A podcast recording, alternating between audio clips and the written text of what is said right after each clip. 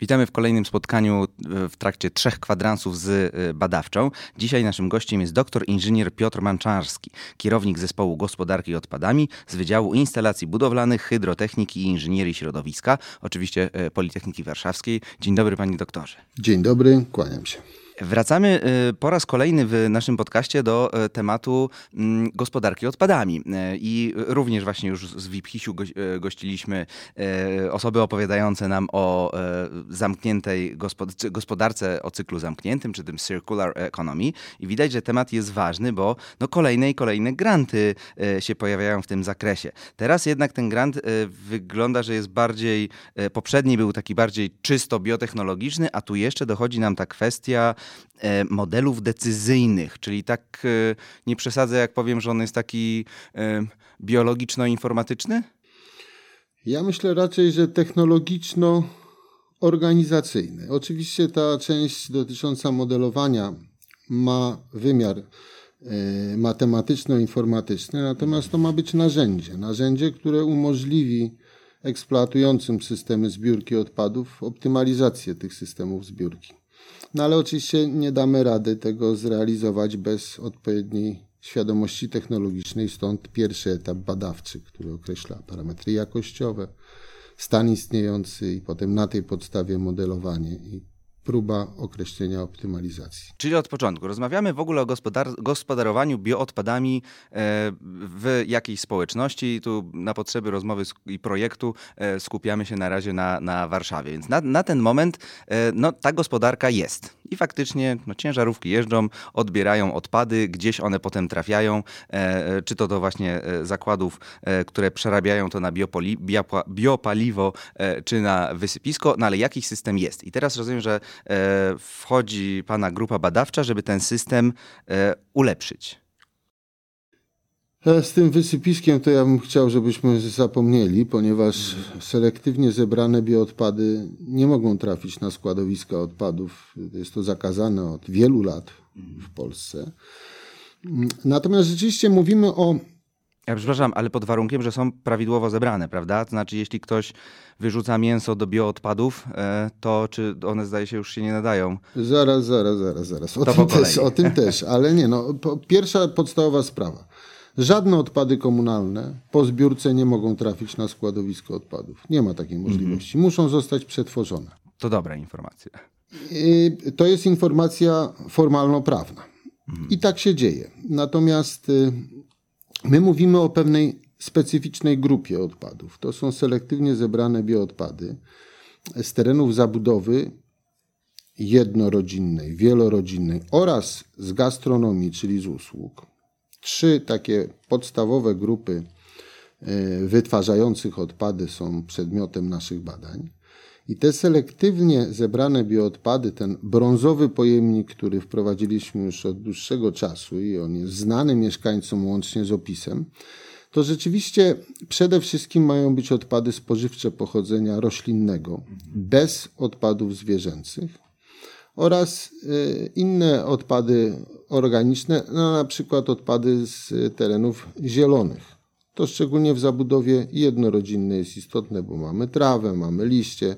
W zabudowie wielorodzinnej sytuacja jest różna, dlatego, bo tak naprawdę mamy do czynienia z firmami, które profesjonalnie zajmują się terenami zielonymi. To samo jeśli chodzi o parki i zieleń miejską. Mogę tylko wtrącić anegdotyczny przykład, że u mnie na osiedlu pod Warszawą oddzielnie są zbierane te biokuchenne co, co no pewnie kilka dni, natomiast raz na dwa tygodnie przyjeżdża oddzielna ciężarówka właśnie do tam skoszonej trawy i tak dalej. Ale czy to dla Państwa jest jeden bioodpad, czy to też dalej się... Nie, znaczy powiem tak. Oczywiście z punktu widzenia technologicznego selektywna zbiórka tych bioodpadów e, kuchennych, spożywczych e, jest lepszym rozwiązaniem. Nie mieszanie ich z innymi bioodpadami, w tym przede wszystkim z odpadami zielonymi, bo inne są sposoby przetwarzania, możliwe sposoby przetwarzania.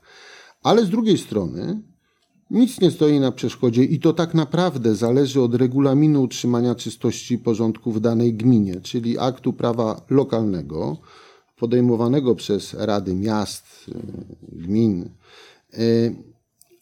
definiującego sposób gospodarki odpadami, również definiującego, co ma trafić do brązowego pojemnika, bo to nie jest to same. W wielu dużych miastach, ale też i w wielu gminach, w tym gminach wiejskich. Inaczej definiujemy ten, ten brązowy pojemnik, czyli bioodpady.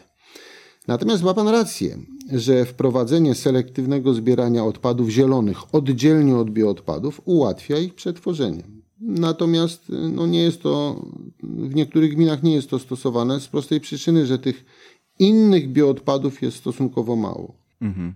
No właśnie stąd na przykład raz na dwa tygodnie. E, to jest jeszcze inna sprawa. Mianowicie, jeśli chodzi o odpady z terenów zieleni, to je trochę łatwiej jest magazynować przez dłuższy czas. Nie stanowią one aż tak dużego zagrożenia sanitarnego. Natomiast w przypadku bioodpadów kuchennych, no to raz proces idzie bardzo szybko i my je bardzo szybciutko niesiemy do odpowiedniego pojemnika, bo jak nie, no to przykre zapachy, to zaczęcie się procesu u nas w mieszkaniu, a my tego nie chcemy. Natomiast yy, ta częstotliwość ich wywozu powinna być większa. Z tej perspektywy oczywiście za każdym razem mieszkaniec powinien mieć zdefiniowany ten sposób postępowania i to z regulaminu wynika. Oczywiście również z ulotek, z informacji, które są przekazywane do mieszkańca. Mówi pan, że oddzielnie, że inaczej się przetwarza te biokuchenne, a inaczej te y, odpady zielone, ale na czym ta różnica polega? No tutaj y, przede wszystkim y, istotna jest jakość tych odpadów. I w przypadku odpadów spożywczych, tych kuchennych, mamy bardzo dużą wilgotność. I z tej perspektywy poddanie tych odpadów tlenowym procesom, kompostowaniu, jest możliwe pod warunkiem, że zmieszamy to z materiałem strukturotwórczym, z czymś, co zmniejszy tą wilgotność. Ale powszechnie do wydzielonych bioodpadów spożywczych stosujemy metody beztlenowego przetwarzania, gdzie wilgotność jest bardzo istotna i potrzebna do procesu. Stąd w wielu przypadkach selektywnie zebrane bioodpady spożywcze trafiają do zakładów fermentacji. I wtedy to jest inna metoda. Natomiast jeśli chodzi o odpady zielone, e, to najczęściej poddajemy je procesom tlenowym kompostowaniu. I możemy to również realizować w kompostowaniu w, w, pryzmach na otwartym powietrzu, bez konieczności zastosowania specjalistycznych komór czy innych metod, metod zaawansowanych technologicznie. Ale jeżeli są oddzielne. Jeżeli jest to zmieszany odpad, no to wtedy tak naprawdę mamy znowu dwie możliwości. Albo idziemy w proces beztlenowy, fermentacyjny z całością, albo staramy się poddać całość kompostowaniu, ale wtedy najczęściej pierwszy etap tego procesu prowadzimy w zamkniętych komorach, po to, żeby ten najbardziej intensywny, również z punktu widzenia emisji do środowiska proces był zamknięty, a potem dopiero w drugim etapie robimy pryzmy na otwartym powietrzu. Wracając teraz z tej ogólnej dyskusji do, do Państwa projektu, e, no to widzę, że to jest faktycznie istotne, e, jaka jest jakość tego, tego wsadu, czy jakość, e, czy charakterystyka tego bioodpadu, który jest odbierany. No i tu pytanie, jak bardzo się faktycznie te różni od siebie właśnie te odpady, czy te z domów rodzinnych, czy te z restauracji? No tutaj różnica jest duża. Ja nie chciałbym mówić, mamy już kilka badań, jeśli chodzi o realizację projektową, ale no zacznijmy od tego, że w przypadku odpadów, w przypadku odpadów e, z gastronomii mamy bardzo często do czynienia z prawie idealnym składem morfologicznym, to znaczy brak domieszek. Tu może występować to, że co jakiś czas pojawia się temat e, domieszek zwierzęcych, odpadów zwierzęcych, które nie powinny znaleźć się w strumieniu selektywnie zebranych bioodpadów. No ale to nie są duże, no raz żeśmy uzyskali tam 1,5% domieszki, czyli to nie jest rzecz istotna. Natomiast czystość bioodpadów z gastronomii jest bardzo duża na poziomie 97, 8, nawet 9%. Mhm. Czyli jest to idealny odpad do przeprowadzenia dalej procesu recyklingu organicznego, czyli przetworzenia go na nawóz. A ten 1% czy te 2%? To są domieszki, no różne. To, to, to może być papier, ale często są to tworzywa sztuczne. Czy ktoś wyrzucił coś razem z tam z tak, siatką, tak, z opakowaniem? To, to, to, nawet jeżeli wiemy, co powinno tam trafić, mhm. to albo jest pomyłka, albo te odpady są pakowane w worki z tworzyw sztucznych i trafiają w workach do pojemnika. -hmm. No albo ktoś się po prostu pomylił, bo to też jest możliwe. tu nie widać w tej morfologii, którą badamy, nie widać działań celowych, czyli ktoś tam co, przez pomyłkę wrzucił na przykład odpady plastiku, które miały być do innego pojemnika wrzucone. To jeśli chodzi o gastronomię. Natomiast w zabudowie jednorodzinnej y, no już jest trochę gorzej. No bo zdarzają się domieszki na poziomie prawie 5-4% tworzyw sztucznych, czyli wyraźnie widać, że te odpady również trafiają w workach y, z tworzyw sztucznych, ale też inne rodzaje odpadów nam się mogą pojawiać, jeśli chodzi o tworzywa sztuczne, na przykład część opakowań z tymi odpadami. Y, niestety również czasami zawartość odpadów zwierzęcych jest dość duża. Było i tak, że było to prawie 6%. Czyli dużo. Y, natomiast odpady szkła no nie stanowią największego problemu, no ale też jeden z Zdarzają wyników się, jest że- 1,83, tak. To, to, jest, to, to jest, najczęściej, proszę Państwa, jest to opakowanie znowu.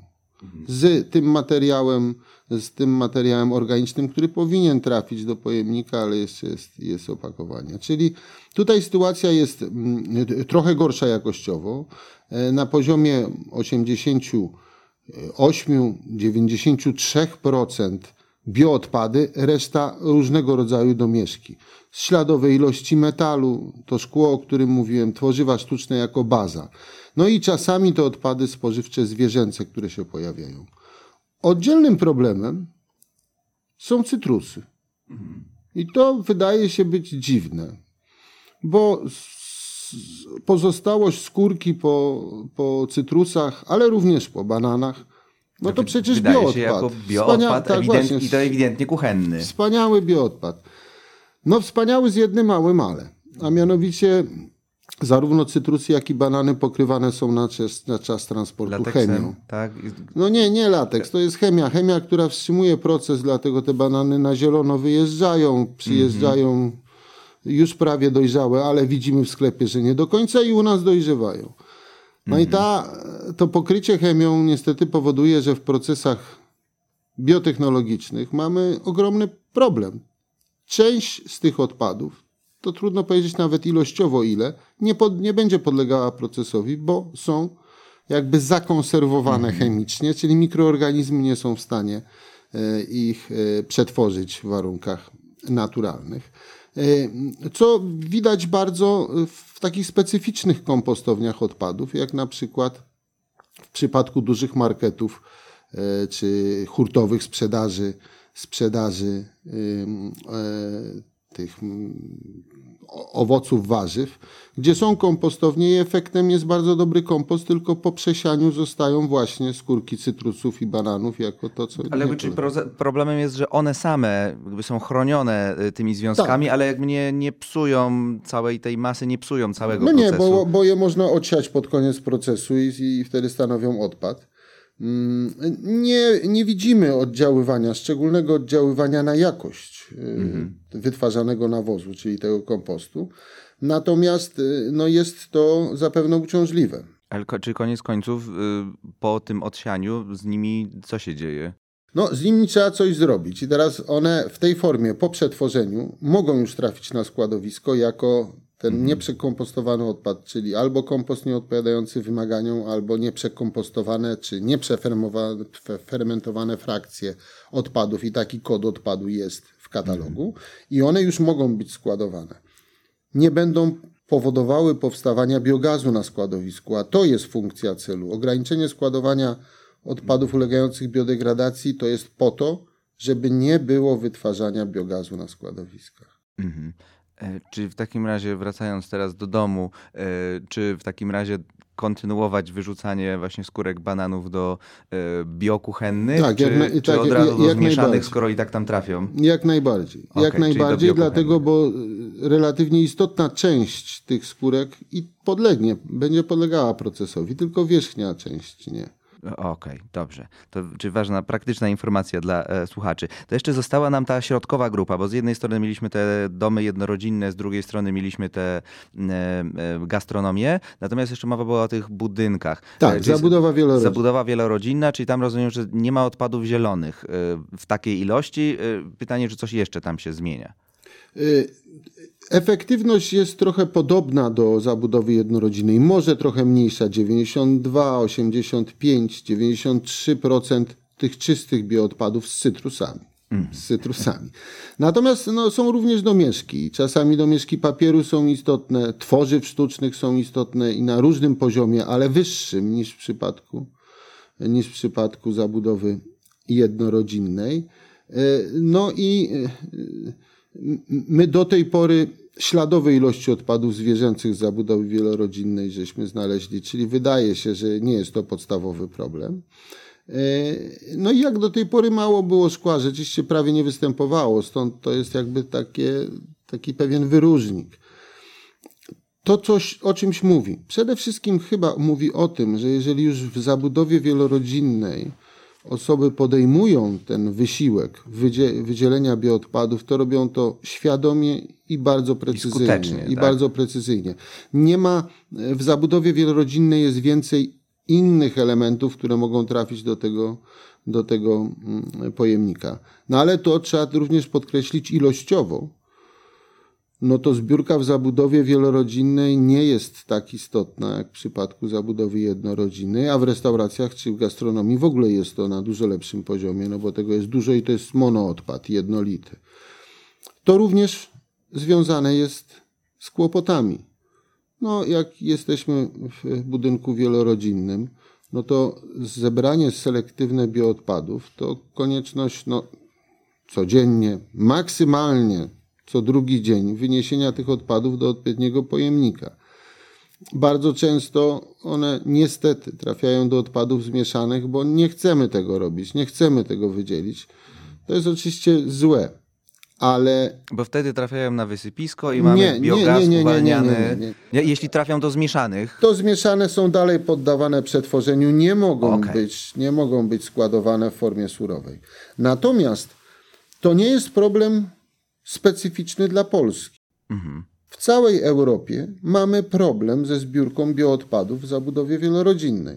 I oczywiście ten problem w krajach, które robiły to dużo wcześniej, jak Niemcy, Austria, Dania, Holandia, czy w ogóle inne kraje skandynawskie, no ten, problem, ten ilościowo ten strumień jest dużo większy, bo to jest też kwestia nie tylko edukacji, ale wprowadzenia pewnych nawyków.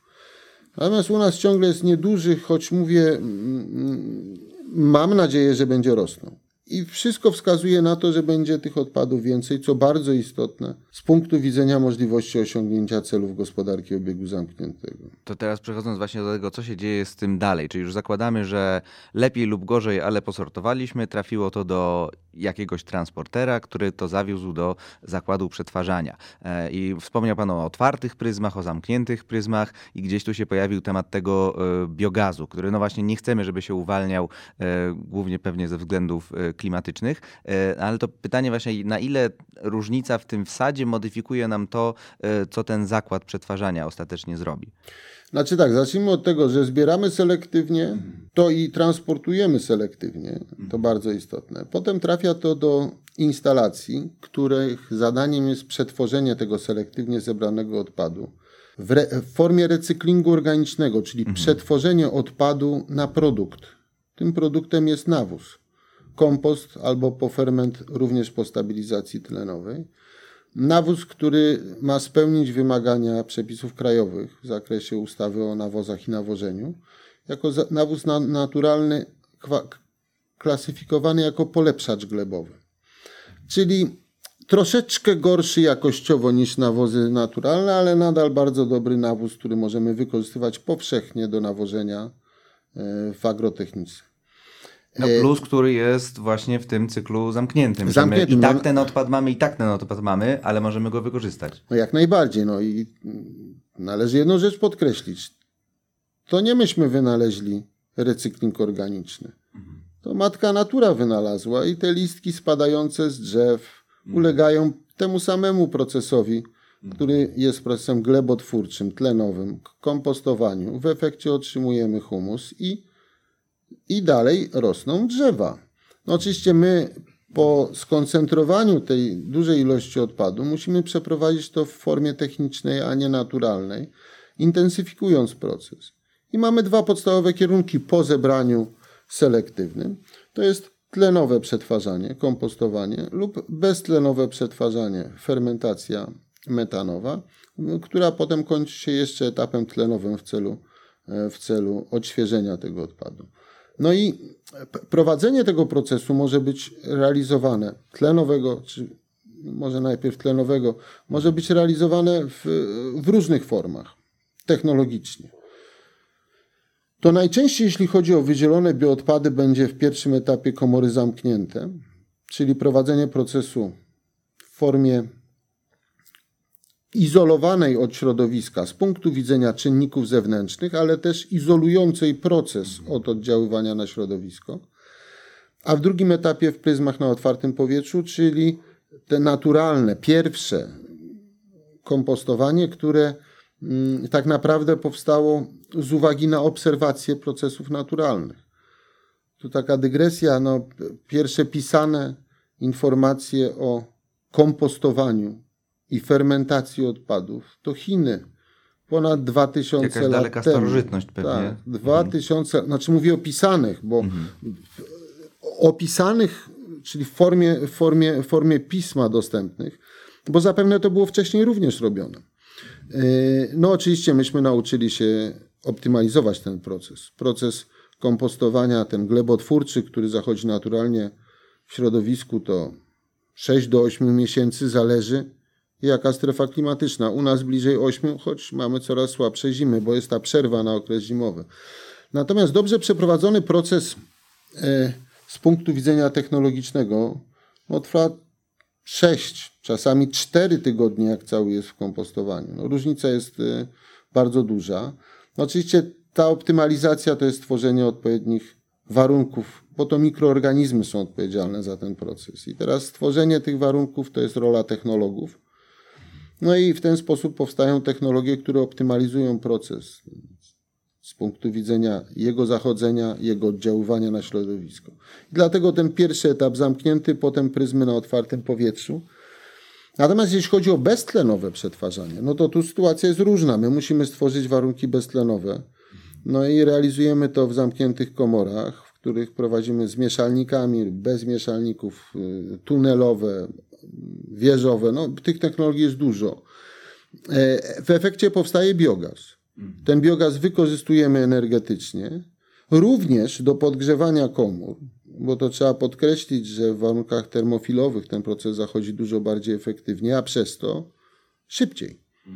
Czyli my też tego chcemy. W kompostowaniu mam, jako proces egzotermiczny, mamy tutaj dużą łatwość, bo samo zagrzewanie pryzmy z uwagi na egzotermikę procesu, mineralizacja, czyli rozkład z substancji organicznej do związków prostych i mamy energię.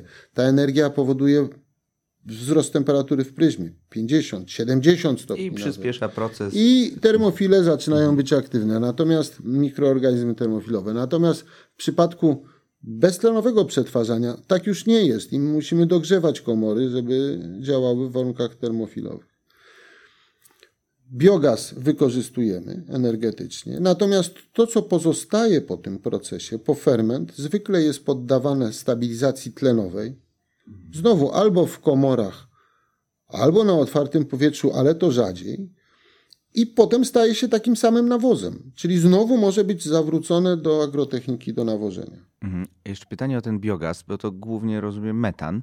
e, Czy Metan jakaś... i dwutlenek węgla. Metan i dwutlenek węgla, więc yy, no, dwutlenek węgla ciężko yy, pewnie wy- wykorzystać, ale, ale metan jak najbardziej.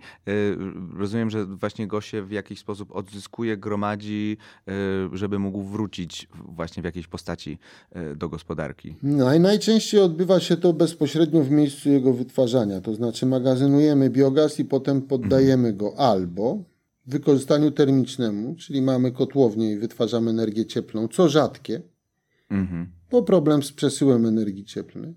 Najczęściej spalamy go w silnikach spalinowych, wytwarzając poprzez prądnicę energię elektryczną, a odzyskujemy ciepło z silnika i z gazów spalinowych jako kogeneracja do na przykład podgrzewania komór. Y, Natomiast wytwarzanie na miejscu tej energii wydaje się być najlepszym rozwiązaniem, chociaż możemy wskazywać na rozwiązania takie, że są rurociągi podające biogaz na znaczne odległości po to, żeby wykorzystać je w innym miejscu. No, na przykład bliżej miasta do ogrzewania basenu i wytwarzania energii elektrycznej. Tam bezpośrednio tak. przy basenie. To, tu zachęcam, żeby prześledzić y, na, czy, czy, na Spotify, czy gdzie Państwo słuchają, y, znaleźć y, poprzedni odcinek, bo tam właśnie padł przykład z żywca, gdzie właśnie bodaj w żywcu jest nie, zakład przetwarzania odpadów. Nie dość, że sam jest już energetycznie niezależny dzięki temu metanowi, to jeszcze podgrzewa wodę do, okolic- do parku wodnego, który jest w okolicy. Więc ta, ta, taka instalacja, która już funkcjonuje i działa. Ale teraz wracając do, do e, samego projektu, bo to, że mówimy ogólnie o, o tej gospodarce, to jest jedno. Mm, natomiast e, no, mm, pan też w ramach, rozumiem, tego pierwszego etapu e, właśnie przyglądał się temu, jak wygląda ta jakość tego biostrumienia odpadów w, w Warszawie. Czy te dane podawane, te, te właśnie, że tu jest 99%, że tu jest tam 88%, czy, czy to jest właśnie jakaś ogólna wiedza, czy to już są dane dla Warszawy wynikające z tego projektu? Nie, odsłoniłem trochę tajemnic projektowych, bo okay. jesteśmy w trakcie realizacji, jest, raptem mamy kilka prób mhm. zbadanych i, i pobranych. To są nasze badania własne w ramach projektu. E, no będziemy je kontynuowali, tych, tych, tych badań jest dużo przed nami. E, e, to pozwala, i taki jest cel również, określić te parametry jakościowe. To oczywiście nie tylko morfologia, czyli skład grupowy tych odpadów, ale również e, inne wskaźniki, które charakteryzują możliwość wykorzystania. Ciężar objętościowy, wilgotność, sucha masa organiczna, ale i to również w ramach projektu potencjał gazowy, czyli możliwość wytwarzania biogazu z tych odpadów. E, takich badań jest niezmiernie mało. W warunkach krajowych prawie one nie są prowadzone. Z tej perspektywy to bardzo ważna informacja, która uzupełni ten element technologii, który jest niezbędny z punktu widzenia zagospodarowania bioodpadów. To oczywiście nie, nie jest tak, że nikt nie badał. Mhm. Szczególnie ostatnio widzę, że takie badania zaczyna, zaczynają się e, tworzyć. No, na przykład w Poznaniu koledzy badają, we Wrocławiu też takie badania e, zostały rozpoczęte. To dobrze bo zagospodarowanie bioodpadów jest jednym z najważniejszych działań w zakresie gospodarki odpadami komunalnymi i właśnie tego celu mhm. gozowskiego, czyli gospodarki obiegu zamkniętego, który jest wyznaczony na rok 2035. My staramy się, no oczywiście realizujemy to zgodnie z harmonogramem, ale tu trzeba podkreślić jedną rzecz, że ta częstotliwość poboru prób, ona ma nam dać odpowiedź na, również na zmiany sezonowe. Stąd to cały rok jest badane i, i, i e, to jest o tyle istotne, że rzeczywiście widać zmiany sezonowe również w strumieniu bioodpadów. Nie tylko w odpadach komunalnych, bo to jest bardzo mhm. widoczne, czy zmieszanych, czy selektywnie zebranych, ale bioodpadach. Ale pytanie jakie? Bo wyobrażam sobie rzecz oczywistą, no, że zimą nie kosimy trawy, więc znika w ogóle e, kwestia tych odpadów zielonych. E, natomiast no, do restauracji chodzimy cały rok, w domu gotujemy cały rok, tak. a już przecież mamy taką globalizację, że też czy banany, czy cytrusy, no, nie czekamy na sezon, tylko one są dostępne cały rok e, w markecie, więc e, na czym te zmiany polegają? No, ale my mamy na przykład na jesieni bardzo wielki sezon owocowo-warzywny w Polsce. No i te jabłka w pewnym momencie zaczyna, by, są cały czas na rynku, ale one ale zaczynają być innym, innym dobrem. Mhm. Są droższe, są inne. Także to, to jest jako jeden z przykładów oczywiście. Ma pan mhm. rację, że gastronomia działa, no oczywiście działa tak jak COVID pozwala, tak, prawda? Tak. Ale działa w formie ciągłej. Gotujemy w domach. Tu jest też pewna informacja, o której musimy pamiętać. Bardzo różne są gospodarstwa domowe. Nie wszyscy gotujemy. Część z nas albo kupuje gotowe wyroby tylko albo do podgrzania, albo je na mieście. Stąd to też jest z perspektywy strumienia istotne. No prawdą jest, że większość rodzin, szczególnie z dziećmi, jak to są więcej niż dwie osoby, no bo to, to wtedy też to jest inne podejście, no ale i wtedy tych bioodpadów jest więcej. No ale również, i to trzeba podkreślić, można zauważyć w jakości bioodpadów to, że mamy coraz więcej wegetarian i wegan. Aha, i widać to w Państwa tak badaniach? Znaczy to, no, może tak, w skali, którą prowadzimy, bo to są, to są wielkorozmiarowe badania, tak widoczne to nie jest. Ale my również wykonujemy wiele prac dyplomowych i tutaj y, bardzo często dyplomanci zbierają w określonych środowiskach bioodpady No i okazuje się, że coraz więcej mamy przypadków takich, że nie będzie domieszki odpadów zwierzęcych, bo ich nie ma. E, to z punktu widzenia strumienia jest bardzo ważne, bo jeszcze może słowo, dlaczego te zwierzęce nie? No one z punktu widzenia sanitarnego są dużo trudniejsze. I ogólnie rzecz biorąc, wymagania są takie, że jeżeli mamy odpad odzwierzęcy, to on powinien zostać poddany obróbce tylko i wyłącznie beztlenowej. A my nie mamy takiej pewności. My nie wiemy, co się będzie działo z bioodpadami, bo z tym jest bardzo różnie. No również muszę podkreślić, że ten rosnący strumień bioodpadów, którego się spodziewamy, który umożliwi nam uzyskanie celów, o których za chwilę, to również konieczność budowania dużej ilości nowych instalacji do ich przetwarzania. I to jest kolejne wielkie zadanie z punktu widzenia gospodarki odpadami, w tym odpadami komunalnymi. A teraz może dwa słowa o tych wymaganiach GOZ. Jeszcze, jedna, jeszcze jedno pytanie y, y, pozwolę sobie zadać, bo mnie bardzo zainteresowało, do jakiego poziomu takiej geograficznej szczegółowości są Państwo w stanie zejść, bo e, no, jeśli mówimy o tutaj różnicy, że na przykład no właśnie w jednym domu jest tam trójka dzieci, a w drugim mieszka sobie e, jakiś singiel, a w trzecim domu są wegetarianie, a w czwartym e, no ktoś inny, e, to, e, to w tym momencie od śmietnika do śmietnika to się będzie zmieniało, chociaż trafia to na przykład do jednego sypu. Więc pytanie, czy Państwo operują na poziomie, nie wiem, czy gminy, czy osiedla, czy pojedynczych domów? No nie, oczywiście my bazujemy na tak zwanych trasówkach, czyli hmm. ustalonych trasach wywozowych przez e, firmy, które wywożą i mamy trasówkę, która obejmuje zabudowę wielorodzinną, mhm. trasówka, która obejmuje i tylko z wielorodzinną. Tylko I oddzielną, za... która jeździ tak. tylko do restauracji. I tylko jednorodzinną, i tylko gastronomia. Mhm. No i oczywiście to jest uśrednienie. To oczywiście z perspektywy jakościowej bioodpadów jest to najlepsze, ale to uśrednienie nie pozwala nam na powiedzenie mhm. ilu singli. Ale sobie wyobrażam po prostu tam w dalekiej przyszłości, że po prostu jest QR kod naklejony na y, y, śmietnik i ciężarówka podjeżdża, skanuje QR kod i już wie, że o, to jest odpad, który idzie do tego kontenera, a o, ten śmietnik jest takiej jakości i mamy je, jeszcze lepsze wstępne. A może za daleko w przyszłość wybiega? No nieprawda, to już się dzieje. Chociażby system ciechanowski, gdzie mamy czytanie kodów QR i identyfikacja nie dość, że frakcji, to jeszcze mieszkańca, który to wyrzucił. Aha. I taki program pilotowy idzie, który bardzo poprawił selektywną zbiórkę, no bo wtedy mieszkaniec zabudowy wielorodzinnej wie, że nie jest do mhm. końca anonimowy. I można uprzejmie mu zasugerować, żeby na przykład przestał wyrzucać mięso do yy, Na przykład.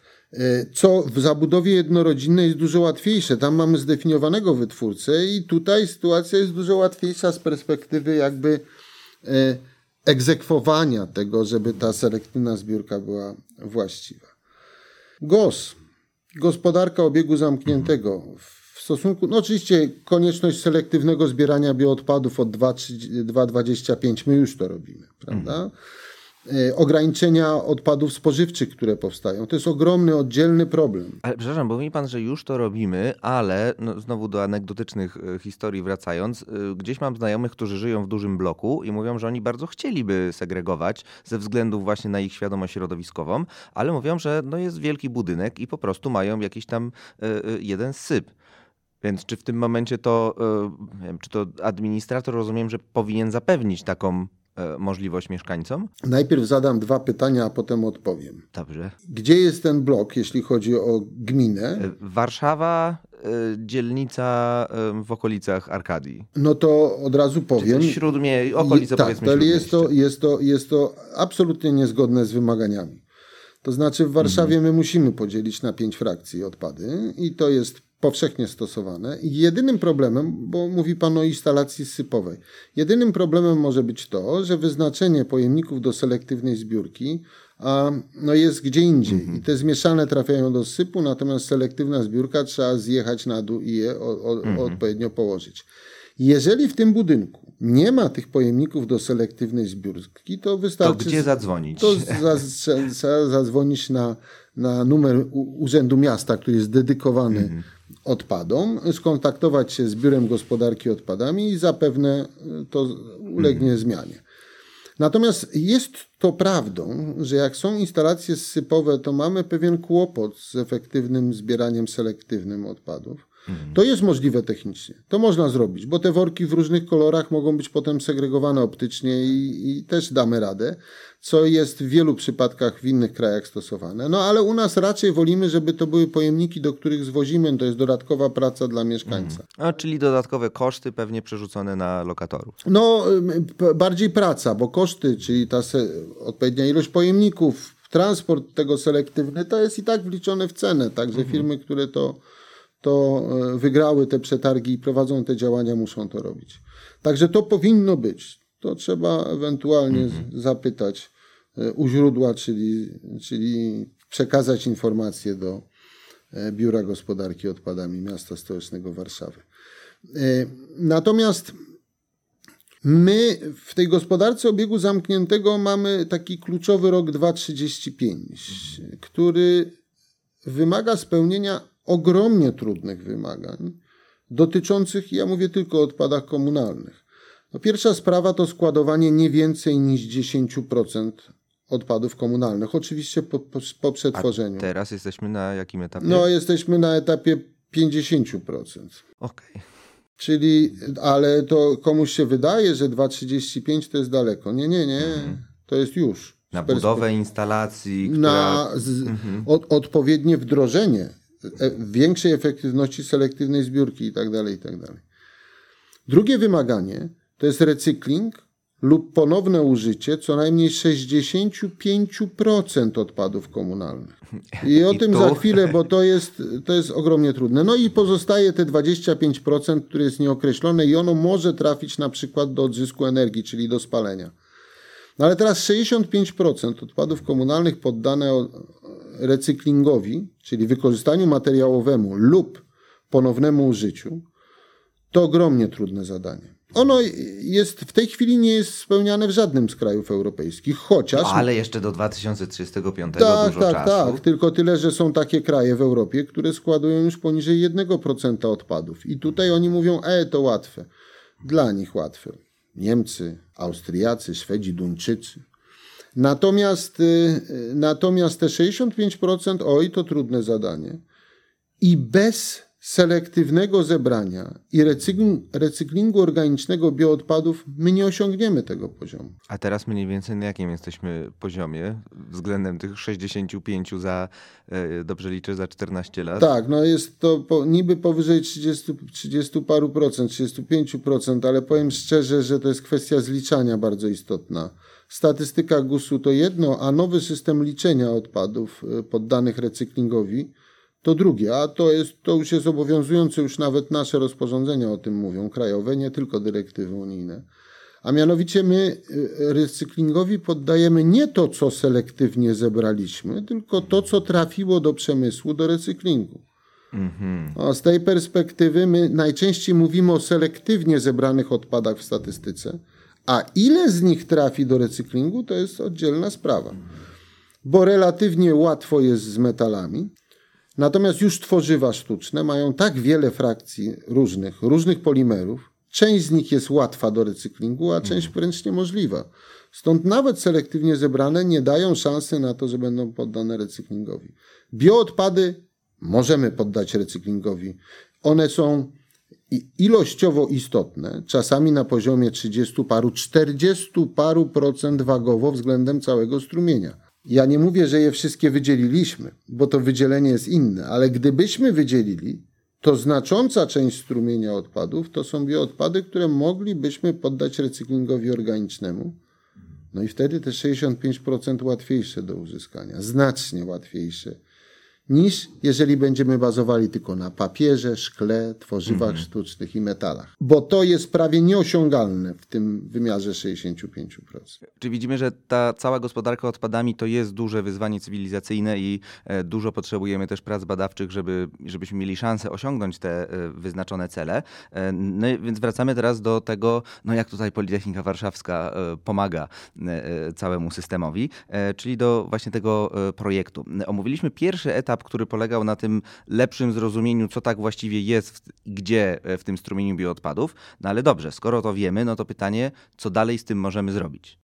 No tak, ja chciałbym tylko jedną rzecz podkreślić. My badamy bardzo różne strumienie odpadów komunalnych i nie tylko przemysłowych. To jest tylko wąski wycinek, ale mówimy dzisiaj o projekcie. Na potrzeby czyli- tego tak, projektu skupiamy się na o bioodpadach. Jak będziemy mieli parametry jakościowe, w tym określenie ilości biogazu, która może powstawać z poszczególnych frakcji, no to kolejnym etapem, tym drugim etapem projektu jest e, e, stworzenie modelu decyzyjnego, który pozwoli na optymalizację ścieżki selektywnego zbierania i zagospodarowania bioodpadów.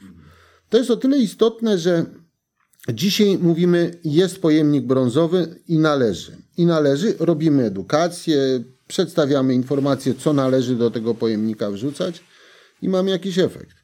Efekt jakościowy, czyli co jest w środku, a co powinno być, i efekt ilościowy, ile tego jest w porównaniu z ilością, którą znamy z punktu widzenia potencjału strumienia odpadów komunalnych.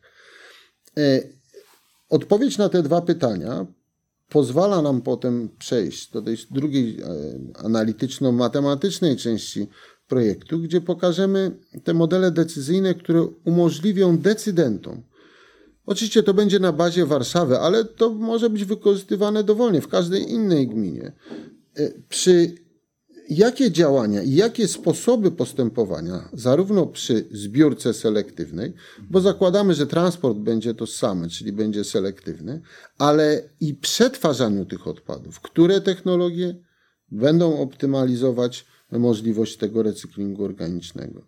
I to jest e, działanie, t- stworzenie pewnego narzędzia, które no, będziemy starali się, żeby to była wersja dostępna, czyli taka relatywnie łatwa również dla administracji, bo to administracja powinna z tego korzystać. E, Technolodzy na pewno tak, firmy tak i tu jest łatwo, bo dla nich takie narzędzie to jest y, jedno z narzędzi, Właśnie które tu się wykorzystują. p- próbuję sobie wyobrazić teraz, kto, kto konkretnie jest właśnie tym, który będzie korzystał. Czy właśnie ta gmina, która na przykład organizuje przetarg i zleca odbieranie tych odpadów, czy właśnie bardziej ta firma, która już koniec końców faktycznie no, wysyła pracownika w ciężarówce i mówi jedziesz tam i zbierasz y, to. Jedni i drudzy, chociaż to należy podkreślić, że jeśli chodzi o optymalizację tego modelu zbiórki, no to przede wszystkim gminy, bo one tworzą regulaminy i tworzą wymagania dla stworzenia systemu zbiórki.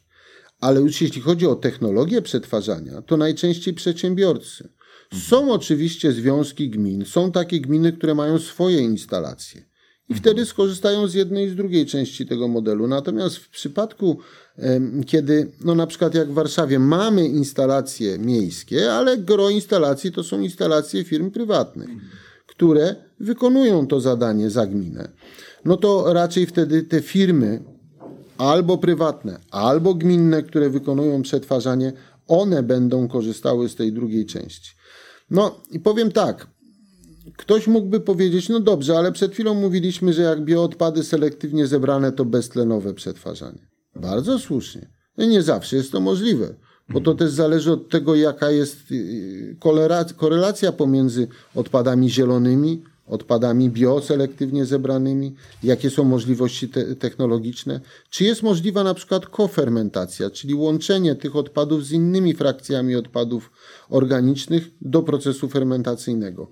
Czy może można jednak przeprowadzić kompostowanie, czyli tlenowe przetwarzanie w sytuacji, kiedy mamy określoną ilość innych odpadów, na przykład z terenów zieleni miejskiej, czy odpadów drzewnych, wiór, trocin, które są z przemysłu drzewnego, żeby stworzyć ma materiał strukturotwórczy.